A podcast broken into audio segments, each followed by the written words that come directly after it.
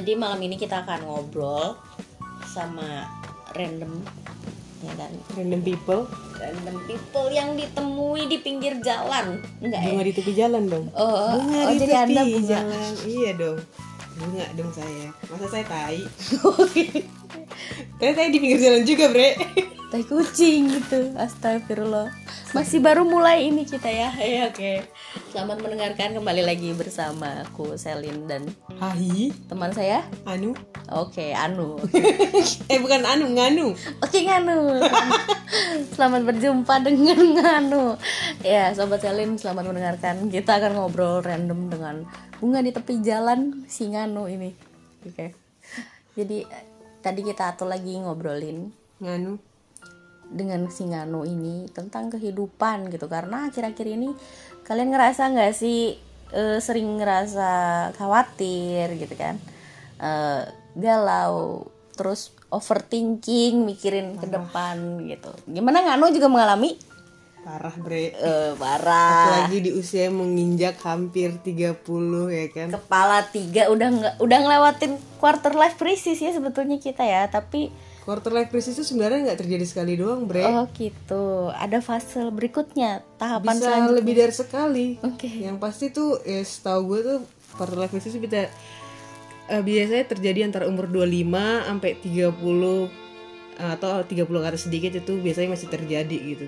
Dan gua eh gua ngerasa ini tuh quarter life crisis gua kedua. Oke. Udah kedua ya. Padahal Anda belum nginjak 30 gitu. Dan Udah fase kedua gitu. tiga ini 30 saya beberapa hari lagi nih. Oh gitu. Ini Anda udah kayak Jokowi ya. Kenapa? Dua periode. Eh Jokowi juga Gemini, Bre. oh gitu. Oh sama gitu sama lo ya Iya. gitu. Oke.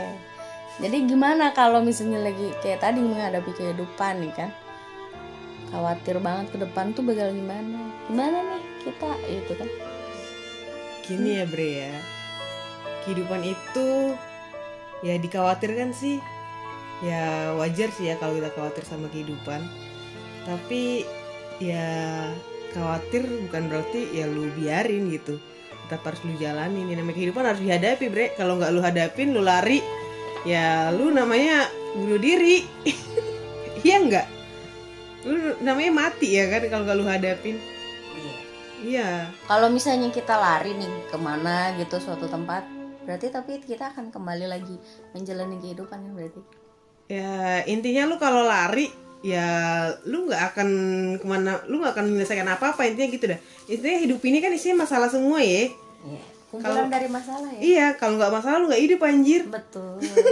dan lu kalau lari ya jatuh dari hidup ini dari kehidupan lu ya jatuh lu lari dari masalah. Ya lu kalau masalah itu ya itu dihadapi dan diselesaikan. Kalau lari sejauh apa pun hanya untuk lari dari masalah itu lu nggak akan lu nggak akan menyelesaikan apa-apa gitu. Dan lu akan capek sendiri. Malah menambah gak sih? iya menambah lah. Nggak akan selesai-selesai Yang satu belum kelar dan datang lagi yang lain ya. nah gitu Kalau ada yang bilang hadapi dengan senyum gimana, Bre? Ya, emang harus dihadapi dengan senyum Bre. tapi jangan senyum-senyum terus. Ntar kira gila dong kita. Ini kayak menghadapi umur menjelang umur 30 ya kan? Apalagi umur-umur menjelang 30 coy. Lo ditanya mau kapan nikah gitu. Aduh, capek banget ya. dan gua ngerasa banget sih di umur-umur segini tuh kayaknya nih ya paling banyak itu masalah eh, anak muda ya yang umur-umur menjelang 30 atau mungkin dari kepala tiga. Hmm. pasti itu banyak ins- yang insecure masalah keuangan finansial tuh paling utama banget bre. Karena lo itu di umur ibaratnya lu umur-umur udah har- ya rata-rata kayak udah pengen berumah tangga udah siap berumah tangga menemukan pasangan ya berpasangan gitu. Mungkin bisa jadi lo punya gebetan lo punya orang yang lo suka Tapi lo nggak berani maju karena lo nggak berani masalah. maju iya apalagi di umur ibaratnya di umur segini lo umur 25 Hmm. lo ngedeketin cewek atau cowok lu masih bisa gitu model gaya-gayaan gitu. Ya lu cuman bawa aja deh keluar kop juga udah seneng. Karena lu itu kayak belum ada keharusan gitu loh ngomongin masa depan gitu. Iya, lalu umur segini gitu ngedeketin cewek ngedeketin cowok lu masih mau kondo doang ya kan nggak bisa ya. Nggak bisa bre. Apalagi lu cowok gitu nggak deketin cewek. Dan lu sama-sama udah di umur kepala tiga gitu ya kan? Ya tuh cewek pasti ngeliat lah lu kerja apa bre? Tabungan lu berapa gitu. Berarti anda juga seperti itu ya? Nah. Nah kalau seperti itu itu cewek realistis atau matre nih jatuhnya nah itu dia. Itu dia sebenarnya yang agak dilemanya saya ya ibarat kalau tadi kan saya bilang kan maksudnya biasanya cowok ya insecure ya. Tapi gua di posisi cewek gue sendiri sebenarnya insecure juga bre. Jadi bukan hanya cowok doang gitu. Mungkin karena kita hidup di dunia patriarki yang di mana di kepala mindset orang-orang itu adalah cowok menghidup sebagai kepala keluarga menghidupi keluarganya. Mm-mm. dia yang harus mapan gitu. Tapi sebenarnya sekarang kita udah mulai terbuka nih. Dunia yang mendukung eh, kesetaraan gender. Feminisme udah semakin digaungkan ya kan? Betul. dan itu sebenarnya ya secara nggak langsung buat kita cewek-cewek yang ngerasa mandiri gitu yang punya kebebasan sendiri itu sebenarnya agak ya itu jadi sebuah ini juga sebuah bahan pemikiran juga gitu. Mm. ya kita kan setara gitu loh. Jadi masalah finansial juga kita harus setara bre. Lo pengen punya pasangan yang sepadan gitu. Sepadan nggak cuman masalah eh, mental doang atau pendidikan doang tapi, Tapi juga masalah finansial finansial. Nah gitu. Itu salah satu masalahnya. Berarti itu bukan matre ya itu bukan itu realistis. gitu.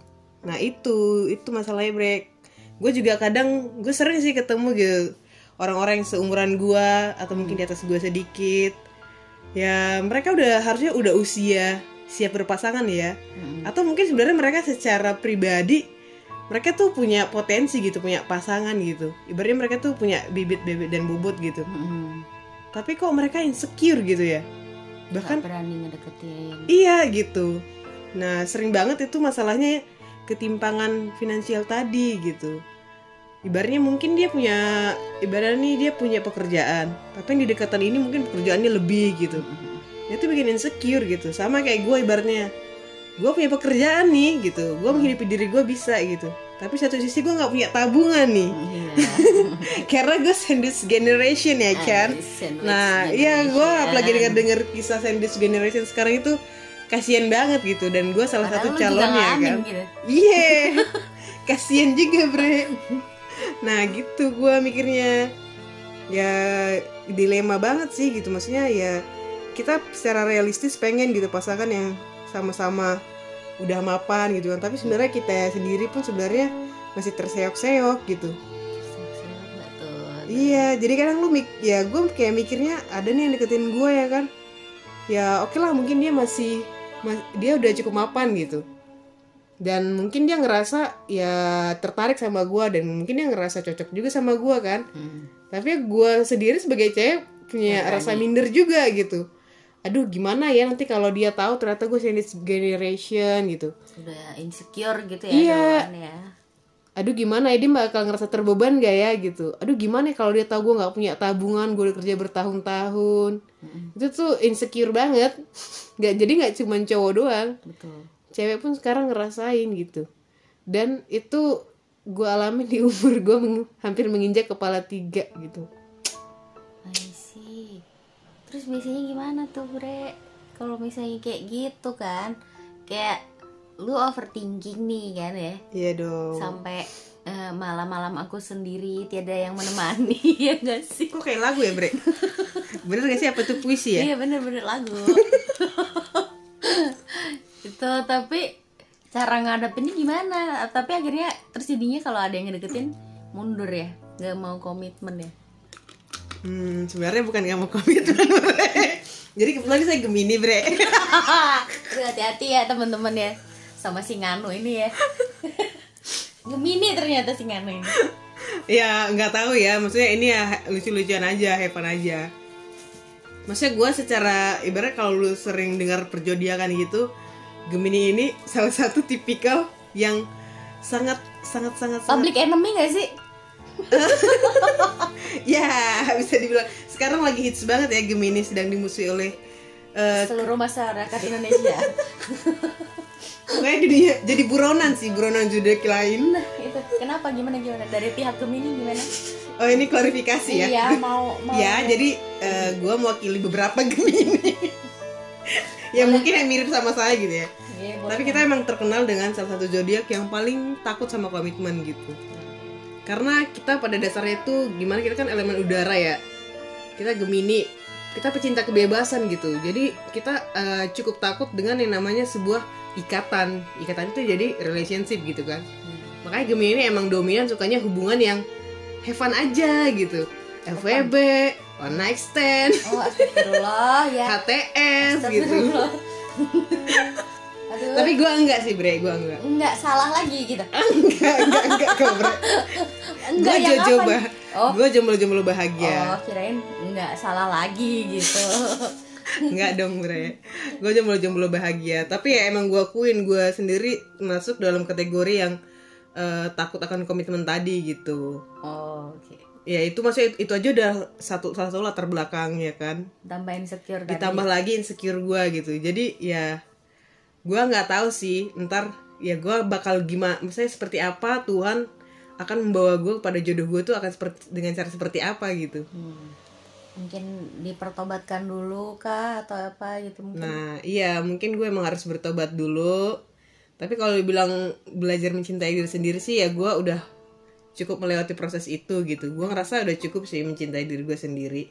Ya meskipun itu sebenarnya proses seumur hidup ya. Ya betul tapi maksudnya sejauh ini gue ngerasa ya udah udah mulai memahami itulah secara garis besar gitu. Berarti si Nganu pernah itu dong tidak mencintai diri sendiri gitu? Oh pernah banget. Oh. itu salah satunya ketika lu ngebucin ya kan?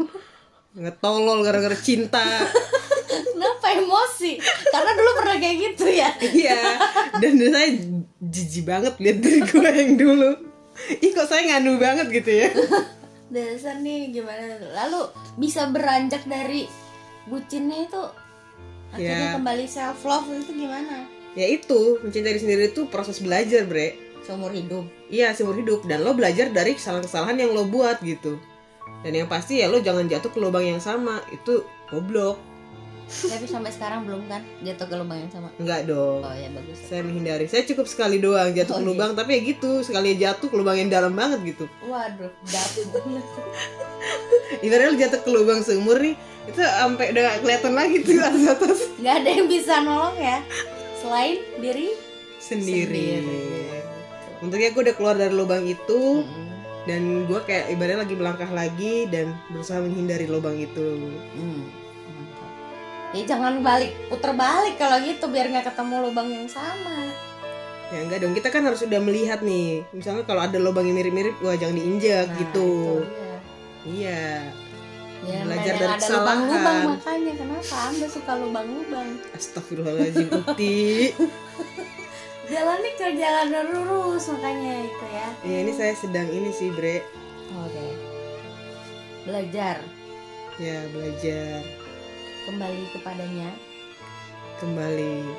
Ya itu atau salah satu Tuhan ya gimana? salah satu proses yang sedang gue laluin saat ini lah Bre. Gue sedang kembali menemukan Tuhan karena gue sebagai yang sempat merasa sangat jauh Hmm.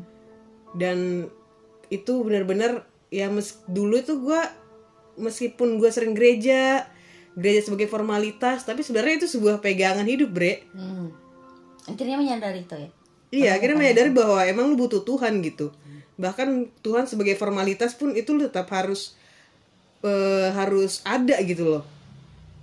Ibaratnya kan ada orang benar-benar sangat mendalami gitu kan. Sangat spiritualitas yang sangat rohani dan sangat religius gitu. Betul. ya lu nggak harus kayak gitu juga. Lu kayak tiap hari minggu ke gereja aja sebenarnya itu udah udah udah cukup. Itu udah minimal lah jadi pegangan lu gitu. Karena gue ngerasain banget dulu tuh gue gereja formalitas doang Ya walaupun formalitas itu tadi ya. iya cuman ya itu kan ternyata bentuk kesetiaan gue gitu loh Hmm. dan Tuhan sebenarnya melihat itu gitu meskipun kita nggak nggak memahami dia secara murni secara dalam gitu ya tapi setelah gue mulai tuh nggak gereja ya karena gue mikir ah, formalitas doang Hmm. eh ternyata gue bener-bener kayak terombang ambing anjir gue nggak punya pegangan gue kayak terseret ibaratnya lu kayak tadi di pinggir pantai Hmm. Lu terseret ke tengah-tengah gitu udah terombang ambing. Iya lu terbawa ke mana-mana. Hancur lah pokoknya bre. Hanyut hancur. Hanyut hancur udah. Tuh benar-benar gua hampir tenggelam sih. Terus gimana untuk biar nggak tenggelamnya waktu itu? Ya gua berusaha sekuat tenaga yaitu tadi. Kalau eh, lu pernah dengar gua bi eh, gua pernah menemukan sebuah kutipan Hmm. yang bilang ke- eh, ketika lu angkat tangan eh, pastikan lu itu bukan menyerah pada dunia Hmm. tapi lu berserah pada Tuhan gitu Asik. jadi ya gue emang sih gue angkat tangan gitu gue hampir menyerah gitu tapi ya gue tetap melakukan yang sebisa gue ya gue melak gue tetap mengusahakan yang semampu gue gitu jadi gue tetap berusaha intinya dari ya berusaha diri sendiri itu tadi Iya. kan berarti gue berusaha mencari jalannya dia Hmm. meskipun mungkin jalannya ya pelan pelan gitu. Tapi ya ketika lu benar-benar meniatkan diri Tuhan pasti bakal ngasih jalan. Dan gue akhirnya menemukan ditolong sama ya gue menemukan pertolongan dari Tuhan. Dan gue benar-benar meniatkan diri membangun kembali komitmen gue untuk kembali padanya. Dan ya saat ini gue masih di jalan untuk membangun komitmen itu beriringan dengan masih percaya zodiak tadi ngano ya. Ya itulah ya manusia ya bre. Jadi ada dua sisi itu ya. Tapi tetap Tuhan yang jadi pegangan. Iya dong zodiak masa jadi pegangan. Oh, oke. jangan. Nanti terombang ambing kan lagi. itu kan buat heaven heaven aja bre. Oh gitu. Lucu tau. Iya, iya, iya. Menarik ya. Jadi di tengah laut itu lagi terombang ambing, ada tetap ada kemauan untuk mengangkat tangan tadi ya. Bukan buat nyerah, berserah tenggelam aja gitu, enggak ya, tapi masih tetap ada kemauan pengen balik sama Tuhan gitu ya. Akhirnya tak ada tangan Tuhan tolong ya. Mantap nih. Ternyata dari seorang nganu ada Tuhan tanamkan tuh keinginan untuk kembali ya berarti emang Tuhan tuh mencari kamu gitu bre iya pas banget. Berasa banget ya sih? Hari ini gue menemukan ayat yang pas banget dengan itu bre. Wah apa tuh? Boleh dong tahu dong. Eh, biar sobat yang dengerin juga tahu apa tuh coba ya ayatnya. tadi ayatnya ya. Hmm. jadi hari ini gue pas banget gue ya. ketemu ayat. Gue eh, ini sih dari random. ren eh, enggak gue ada tadi ini dapat ayat dari Jar of Bible. Oke main dari situ ya Jar of Bible terus gue menemukan sebuah ayat yang mengatakan Yehezkiel 34 ayat 16 yang hilang akan kucari yang tersesat akan kubawa pulang yang luka akan kubalut yang sakit akan kukuatkan serta yang gemuk dan yang kuat akan kulindungi. Aku akan menggembalakan mereka sebagaimana harusnya. Amin. Jadi ini pas banget. Berasa banget ya lagi hilang dicari loh. Iya, jadi ya sebenarnya kita nggak usah khawatir gitu ketika kita sejauh apa pun kita nih gue bilang gue ngerasa gue udah tenggelam gitu. Hmm. Tapi ya itu Tuhan menolong gue gitu. Dia mengulurkan tangannya buat menolong gue gitu. Ya mes iba ya karena gue sendiri ngerasa itu kalau cuman dari kemauan diri gue kayaknya kayak agak mustahil gitu ya gue bisa bangkit lagi gitu. Roh Kudus bekerja ya Nah. Jadi kita ketika kita ngerasa ada setitik aja harapan dalam hidup ini, ya udah lu harus percaya itu gitu. Baru lu dalam ruang gelap cuman ada satu cahaya doang yang menuntun lu, yaitu adalah jalan Tuhan gitu. Lu jangan fokus pada kegelapan itu. Lu fokus pada titik cahaya itu. Mantap. Betul betul betul setuju banget. Iya, lu kadang gitu kan ngerasa dalam hidup lu kayaknya banyak susahnya, banyak kederitanya. Iya benar benar. Ya itu jatuhnya ketika lu dalam sebuah kegelapan gitu. Tapi lu terlalu fokus, lu nggak ngeliat setitik cahaya, ibaratnya berkat dari Tuhan, lu masih dikasih nafas hari ini, itu setitik cahaya, bre. Gila. Kena banget loh. Gue kayak lagi ngerasa emang gue kan akhir-akhir ini mungkin juga gue ada beberapa dikit ya ngomong sama lo gitu kan. Eh cerita nih sama si Nganu ini. Kayak gue lagi banyak banget masalah. Kayak Tuhan kenapa ya Tuhan? Kok gue dikasih lagi masalah? Gila bener juga sih bener. Harus fokus sama titik itu karena itu emang dari Tuhan gitu ya. Nah, dia akan selalu kasih pertolongan. Kayak tadi yang luka akan dibalut Yes. Ya, bener-bener itu kena ke gue juga sih ayat itu. Tapi emang eh, semua orang pasti eh, harusnya kena, ya itu kena semua orang ya. iya betul. Intinya itu kan, itu, itu kata-kata yang kayak bilang, ya syukuri apa yang ada. Itu bener-bener itu menurut gue relate banget sama itu gitu. Hmm. ya orang terlalu fokus dengan apa yang tidak dia miliki apa yang tidak diberi oleh Tuhan gitu. Karena dia hanya fokus ke keinginannya gitu. Dan juga fokus sama masalah yang ada. Nah padahal kita kalau fokus sama masalah nggak bakal menyelesaikan masalah. Betul betul, betul. kita tuh fokusnya menyelesaikan masalah bukan pada masalah. Manusia sering banget fokusnya sama masalah gitu. Bukan sama solusinya itu ya. Iya aduh utang gue segini. Aduh utang gue segini utang gue segini. Wah. Tapi nggak mikirin solusinya Iya. apa ya? Iya coba kalau lu pikir solusinya nggak bakalan bikin lu pusing lu yang ada bikin lu duh utang gue segini gue harus mendapatkan uang segini. Nah lu pasti bakal fokus gimana caranya gue mendapatkan uang segini? Hmm. gue harus bekerja gue harus nyari sampingan. Yang ada lu bakal semangat gitu. Hmm. lu bakalan terpacu untuk mendapatkan itu ketika lu fokus ke masalahnya. Eh ke masalahnya. Ke Oh. menyelesaikan masalahnya. Solusinya tadi. Iya karena itu mendorong lu untuk berbuat sesuatu tapi ketika lu fokus sama masalahnya itu mendorong lu buat overthinking doang. Hmm, betul sih lebih jadi Iya. susah tidur ya kan? Iya aduh utang gue segini. Aduh ntar Pikiran. gimana? Gini gua makan lagi. Hmm. padahal belum terjadi juga. Belum tentu besok lu nggak makan. Bener bener bisa jadi besok di tengah jalan lu ketemu ini kan nasi kotak gitu bekas dari kondangan orang. Iya nggak kesah kayak gitu. Oh, atau gitu nggak ya. tiba-tiba ada temen dateng gitu kan traktir lu gitu kan juga bisa ya tapi gua pribadi gue sering banget ngalamin mujizat-mujizat kayak gitu ya bre hmm. gue pernah maksudnya kayak di masa-masa ya kayak udah tanggal gajian nih satu dua hari lagi gitu gue udah gak megang duit sama sekali Hmm. gue pulang kerja belum makan gitu ya kan Terus? ya gue mikirnya ah besok aja lah gue makan gitu Hmm. terus pulang kerja gue lagi jalan dari tempat kerja gue ke kosan gue nemu duit lima puluh ribu demi apa nemu di jalan maksudnya? Iya. Anjay. Nah itu gue bilang gitu dan gue beberapa kali ngalamin hal-hal mujizat kayak gitu. Itu beneran di jalan tau-tau ada duit iya di jalan. Gue gue baru mau masuk gang kosan. Hmm. gue nemu duit lima puluh ribu dan malam itu gue nggak makan bre karena gue gak ada duit. Karena gue gajiannya baru besok dan besok juga siang. Iya. jadi gue mikir ya udahlah gue nahan lapar aja lah sampai besok sampai nunggu gajian ya kan dan gue nemu duit gitu makanya itu gara- gara-gara gue sering ngalamin kayak gitu gue tuh punya pegangan hidup Tuhan itu memberi di saat lu butuh bukan di saat lu ingin Betul. Iya, karena gue ngerasa, aduh gue lagi butuh laptop nih. Ya belum tentu Tuhan kasih gitu. Mm-mm. Tapi ketika lu butuh ya kayak tadi gitu, gue nggak minta gitu Tuhan gue pengen makan enggak gitu. Ya emang gue emang lapar gitu. Nah Tuhan tahu gue lapar, Tuhan tahu gue butuh makan. Ya gue dikasih lewat duit tadi. Dan gak cuma itu doang sih, maksudnya banyak hal yang hampir serupa lah yang gue alami. Hmm. Itu makanya kenapa ketika gue pun nggak punya tabungan, nggak ketika bahkan gue punya duit sedikit gitu, ibarat gue cuma punya duit sepuluh ribu, Hmm. ada orang nggak makan gitu, gue re gue rela ngasih duit gue ini buat orang itu, ya gue nggak punya duit nggak apa-apa, karena gue ngerasain maksudnya gue nggak pernah miskin karena gue memberi, Hmm. dan gue nggak pernah nggak makan cuman karena gue memberi itu, makanya gue ada di Alkitab juga kan? ada kayak gitu ya, Iya ada. gimana tuh bunyi? Yang nggak hafal sih, cuman ada yang kayak janda miskin dia hanya tinggal punya duit segitu, ya udah dia kasih persembahan.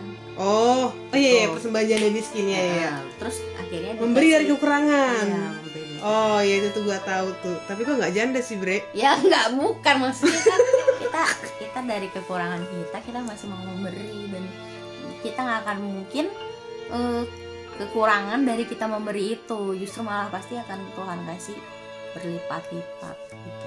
Sih. Dan itu masih gua ma- alami sampai saat ini. Ibaratnya Oh, iya. kayak ya gua gaji berapa sih gitu. Hmm. Tapi maksudnya yang bergantung sama gua kan banyak ya. Ibaratnya duit gua lagi pas-pasan nih. Hmm. Terus tiba-tiba entah saudara gua, entah adek gua, entah nyokap gua Hmm. tiba-tiba nelpon butuh banget gitu urgent. Hmm. Ya gue mikir kalau gua kasih nih ya gua gimana ya ntar makan t- tiga minggu ke depan gitu atau dua minggu ke depan gitu. Tapi gua tahu dia lagi urgent banget gitu. Kadang gua kasih aja gitu. Ya gue mikir ya besok gua nggak duit gua nggak bakalan cukup nih sampai akhir bulan kalau gua kasih gitu. Hmm. tapi ya karena gua ngerasa gua, mereka butuh Tetap ya gue kasih aja gitu. Dan ada aja mujizat dari Tuhan.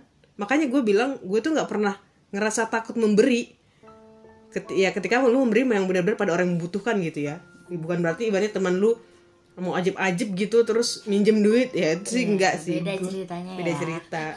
Gue pasti bakal lihat-lihat gitu. Oke. Jadi buat kalau yang pengen minta boleh nih hubungin sis Ngano enggak ya? nggak gitu dong bre ceritanya Gue kira bisa. Enggak lah, Ada maksudnya- hotline-nya gitu. miskin dong gue bre Katanya nggak takut membari. Nanti kan ditambahin dari yang lain. Enggak lah nggak gitu Oh, ceritanya beda. gue ngerasain nggak maksudnya dengan ketika ketika gue kayak jatuh itu apa ya istilahnya royal ya Hmm.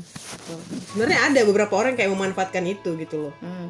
mungkin karena tahu gue orangnya royal gitu jadi dia memanfaatkan itu gitu tapi ya gue berpikir ya is okay sih gitu. Tapi ya tetap aja kita kan manusia punya akal budi kan. Ya gue bisa ngelihat oh nih orang dikasih ibaratnya lu dikasih dikasih enak sekali malah jadi ini keenakan ibaratnya gitu loh.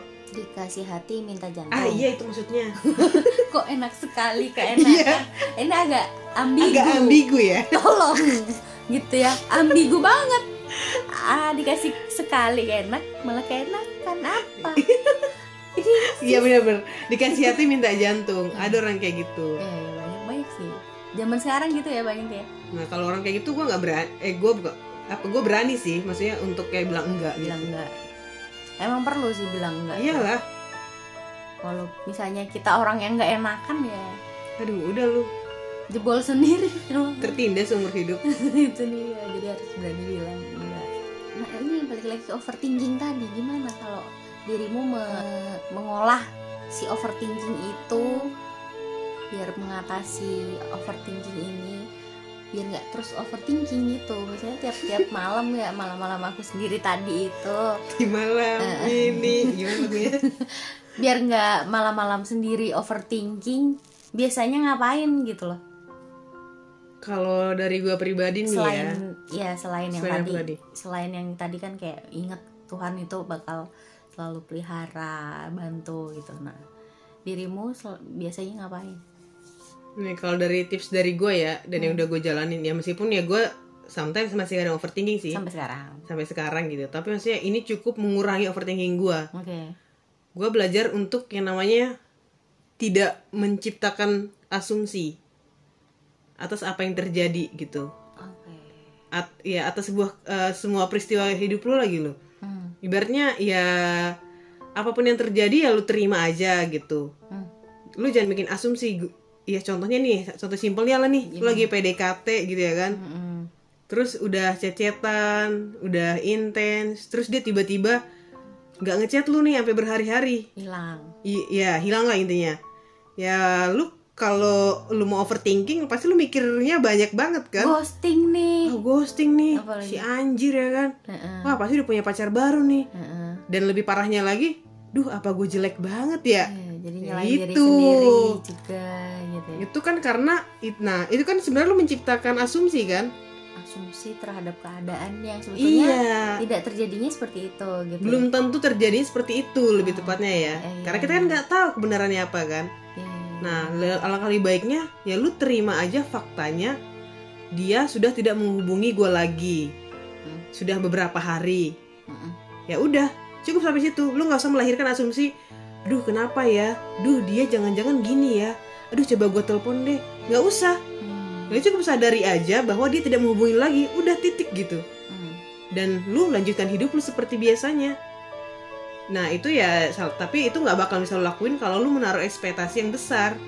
Hmm, berarti PR-nya asumsi ekspektasi juga nggak boleh. Iya jangan lu jangan ketika bertemu seorang jangan membangun terhadap apa pun itu sih ya bukan hanya orang doang. Terhadap apa pun itu yang lu kerjakan yang lu jalanin jangan membangun ekspektasi terlalu tinggi gitu. Tapi yang namanya ekspektasi emang biasanya adalah suatu harapan yang tinggi gitu kan. Lu boleh berharap gitu tapi ya itu lu jangan berekspektasi itu Hmm. agak beda konotasinya ya Hmm. kalau ekspektasi itu kayak sebuah harapan yang agak lebih gitu ya gitu ibarat kayak lu ketemu orang gitu ya dia mau bersikap manis mau bersikap apa ya lu tetap welcoming Hmm. tapi lu jangan berekspektasi tinggi gitu ibaratnya lu baru ketemu dia nih udah cecetan intens lu langsung ngebayangin duh gue bakal ngedate di sini nih nah kalau dia udah ngajakin gua gitu. Nanti pakai adat apa ya? Iya nanti oh itu itu lagi lebih terlalu jauh ya say. Oh my god. Aku langsung mikir ntar gue lahirannya mau ini deh yang di air itu ya kan water ber Aduh jauh banget ya. nah, tapi ada yang begitu. Oke, berarti itu kan ekspektasinya ekspektasi. iya. Ya, karena ntar kalau jatuh udah melambung sakit banget. sakit banget lo kelemparnya kayak dari lantai berapa tuh? Padahal itu asumsi sama ekspektasi sendiri. iya. Oh my god. jadi lu ketemu orang ya udah. Ya lu ya lu ketemu orang gitu ya kan. Ya lu mengenal dia oh namanya si ini. Oh dia kerjain ini. Udah sebatas itu aja dulu gitu. Ya kalau dia ternyata chest lebih intens lagi ya itu. Kita welcoming aja. Kita meladenin dia juga sebagaimana adanya gitu. Kalau dia ngajak jalan ya silahkan jalan. Hmm. Jangan pula nanti setelah pulang dari jalan lu langsung berhayal di- besok dia bakal mengajak lu nikah gitu. Lamarannya Iya, lamaran- ya? iya. Gitu. bener-bener kayak let it flow gitu. Jalanin hari ini ya untuk hari ini gitu. Jangan lu jalan hari ini tapi lu udah ngebayangin tiga tahun ke depan. Padahal yang belum tentu akan terjadi. terjadi. Karena itu yang melahirkan asumsi-asumsi tadi. Jadi ketika lu nggak berekspektasi ya tadi itu ketika dia nggak hubungin lagi ya udah lu cukup sampai kayak lu terima tadi terima keadaan itu bu- bukan terima nasib ya jatuhnya ya, ya lu me- menyadari aja sih gitu. Hmm. ya oke dia udah nggak dia udah nggak hubungin lagi. Dia udah nggak hubungin gue lagi oke. Ya udah gue melanjutkan hidup gue gitu. Berarti belajar mindfulness juga ya. ya mindfulness. Gue juga menyadari hal setiap hal yang terjadi itu iya. tanpa membangun ekspektasi juga nggak berasumsi. Iya. Itu sih dua kata kuncinya sih. Biar nggak overthinking tadi. Iya. Biar tidak overthinking. Meskipun ya secara manusiawi ya kadang ada aja hal yang benar-benar kita bilang overthinking ya. Itu cuman ya se- sebisa mungkin kan kita mengurangin aja. Karena kita kan kalau kata Andra and the Backbone tak ada yang sempurna bukan sih eh Andra mah sempurna lagunya ya. Apa sih lo tunggu ini gue lagi ngeloading jadinya. Andrea the Backbone tak ada yang sempurna. Udah gue lagi yang mana lagu itu? Iya salah ya. Mohon maaf. eh, intinya kalau kata peribahasa tak ada gading yang tak retak. Nah itu baru benar benar benar. Iya itu baru benar tuh. Eh sama kalau dari gua gue lagi belajar juga ada di mana bagian yang bisa kita kontrol sama yang nggak bisa kita kontrol. Iya bener kan? Jadi kalau hal-hal yang nggak bisa kita kontrol ya kita nggak usah musingin gitu loh nggak usah mikirin aduh perasaan dia ke gue gimana ya? gitu kan. Nah itu tadi asumsi. Ya itu berarti asumsi juga. Dan itu kan jatuhnya jadi kita ingin mengontrol sesuatu keadaan yang tidak mungkin kita ubah kan. Kita bisanya untuk menjaga diri sendiri dengan ya batas itu tadi itu sih kalau dari gue tambahannya. Iya setuju gak? iyalah mana bisa lu ngontrol apalagi pikiran orang. Nah. Pikiran tindakan nggak bisa lu kontrol. Betul. Capek yang ada makan hati gitu. Makin overthinking tapi bikin overthinking gitu. Capek hati sendiri ya kalau overthinking tuh ya. Orangnya yang dipikirin nggak mikirin kita padahal. Itu parahnya kalau sampai kayak gitu capek-capek mikirin orang. Ternyata dia nggak mikirin lu balik. Eh dia cuma main-main. Aduh. Cinta bertepuk sebelah tangan. Aduh aduh aduh aduh. Iya mau ada kata-kata eh, terakhir eh enggak tadi mati dong gua. Bukan maksudnya kayak apa ya hmm, benang merah gitu kayak dari tadi kita ngalor ngidul ya ngomongin apaan sih ngomongin Iya maksudnya kayak kayak tips terakhir gitu loh kayak lebih biar tadi kan kita ngomongin ini nih overthinking ya kan? Insecure kalau lagi deket sama orang di masa-masa quarter life crisis lu yang udah tahap 2 ya kan? Udah putaran kedua ya kan? kedua. Nah terus gimana cara biar nggak overthinking tadi kan? Nah kira-kira tipsnya lebih apa ini namanya. Lebih bulatnya gitu loh biar orang-orang tuh kayak wah caranya si Nganu nih asik banget nih gitu. Menghadapi hidup gitu biar nggak terlalu mikir ke depan. Hmm, mungkin ini aja kali ya muaranya cara biar lu hidup lebih santai aja gitu ya. Iya. kalau tadi yang lu bilang gimana cara biar asik nggak ada hidup? Emang sih jujur aja banyak orang yang kayak ngeliat gue kayak santai banget gitu ya padahal orang nggak tahu ya. Orang nggak tahu gitu. Tapi emang sih ada maksudnya ada beberapa hal juga yang bikin gue lebih ngerasa ini sih maksudnya kayak menjalani hidup lebih optimis gitu. Hmm, kita kalau masalah mah nggak memungkiri ya gitu. Pasti ada masalah pasti ada tadi ya. gitu. Ada masalah-masalah yang terpuruk tapi ya gue ngerasa juga ya gue selalu optimis menghadapi hidup. Ya caranya kalau dari gue sendiri yang pertama adalah ya menghadapi kematian ya ibaratnya hampir sama kayak lu ini ya eh, menghadapi hidup juga menghadapi masa depan kali ya. Hmm? kematian itu kan kayak sesuatu yang nggak pasti gitu ya sama kayak masa depan lu gitu. Orang terlalu banyak mengkhawatirkan gitu loh. Saking mengkhawatirkannya ya itu eh, nyambung juga ke overthinking tadi nyambung juga ke insecure nyambung juga ke yang lain-lain tadi gitu padahal ya itu juga bagian dari itu tadi yang menciptakan asumsi-asumsi tadi ya intinya adalah enjoy your life, enjoy hari ini, nikmati hari ini, nikmati detik ini tanpa mengkhawatirkan masa depanmu. Masa depannya tapi tetap harus perlu di set juga ya jadi tahu tujuan hidupnya gitu masa depannya tapi jangan terlalu dipikirin gitu maksudnya Jangan terlalu dikhawatirkan. Oh, masa depan itu masa depan itu dipikirkan, bukan dikhawatirkan. Ah, iya. Itu quotesnya. Jadi masa depannya dipikirkan. Kalau dipikirkan kan berarti ya itu kan. Lu bikin set, bikin rencana, bikin plan gitu. Beda dengan lu khawatirkan gitu. Aduh, gua ntar eh, bakal nikah di umur berapa ya gitu. Itu kan lu udah mengkhawatirkan kan. Mm-mm. Tapi beda kalau ibaratnya lu memikirkan gitu. Ya lu ketika memikirkan, duh gua eh, pengennya di umur segini gua udah dapat ini udah financial goals lah misalnya. Hmm. Lalu pasti mencari pekerjaan. Itu kalau lu pikirin. Tapi kalau khawatirkan beda cerita. Kalau khawatirkan itu ya itu yang melahirkan asumsi-asumsi tadi. Jadi mungkin quotes innya itu eh, masa depan itu dipikirin bukan dikhawatirkan. Hmm. Sama sama apa? hidup untuk hari ini tadi Ya, tapi eh, itu hidup untuk hari ini bukan berarti lu nggak mikir besok ya. Hmm. Itu tadi maksudnya hidup untuk hari ini lu lebih eh, yang tadi lu jangan terlalu mengkhawatirkan masa depan lu sampai lu lupa gitu menikmati detik ini gitu. Betul.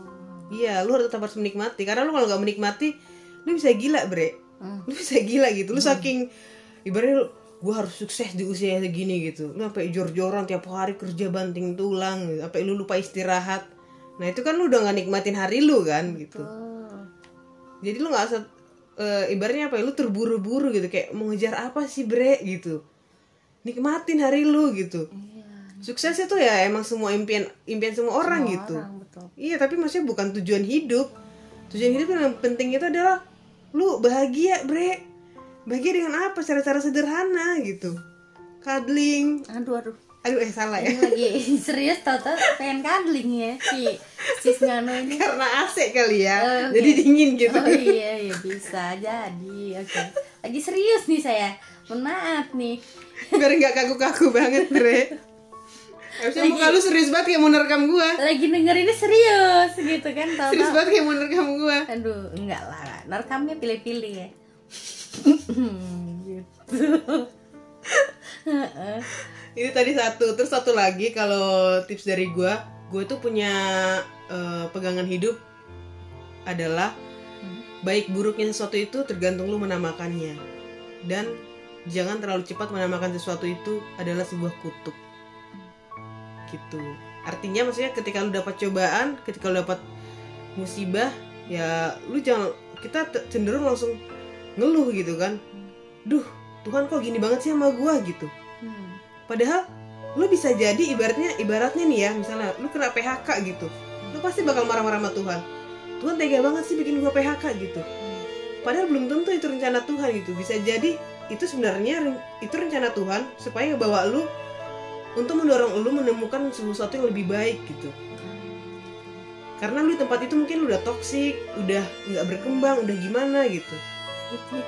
it is me so hard ya hit me so hard gitu kan. Iya dan banyak orang sebenarnya kayak gitu. Iya. dan emang cenderungnya kecenderungan kita emang kayak gitu. Dapat masalah mengeluh marah-marah. Nggak mau gitu maksudnya kayak lu bersabar dikit gitu. Ya lu hadapi ya tadi kayak tadi makanya gue bilang kenapa kita lebih belajar mindfulness gitu kan? Menyadari aja gitu.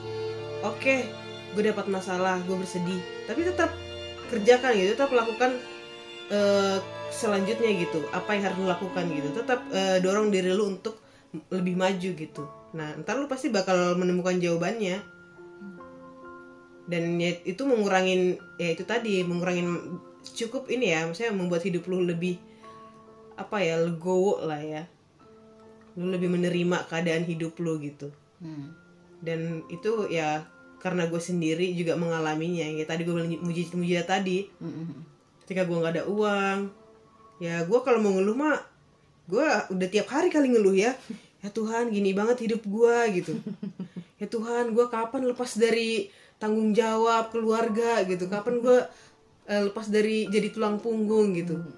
Ya, tapi sebenarnya tanpa gue sadari setelah gue ke sini sini gue menyadari ternyata semua itu itu yang bikin gue sekarang ini kuat gitu loh.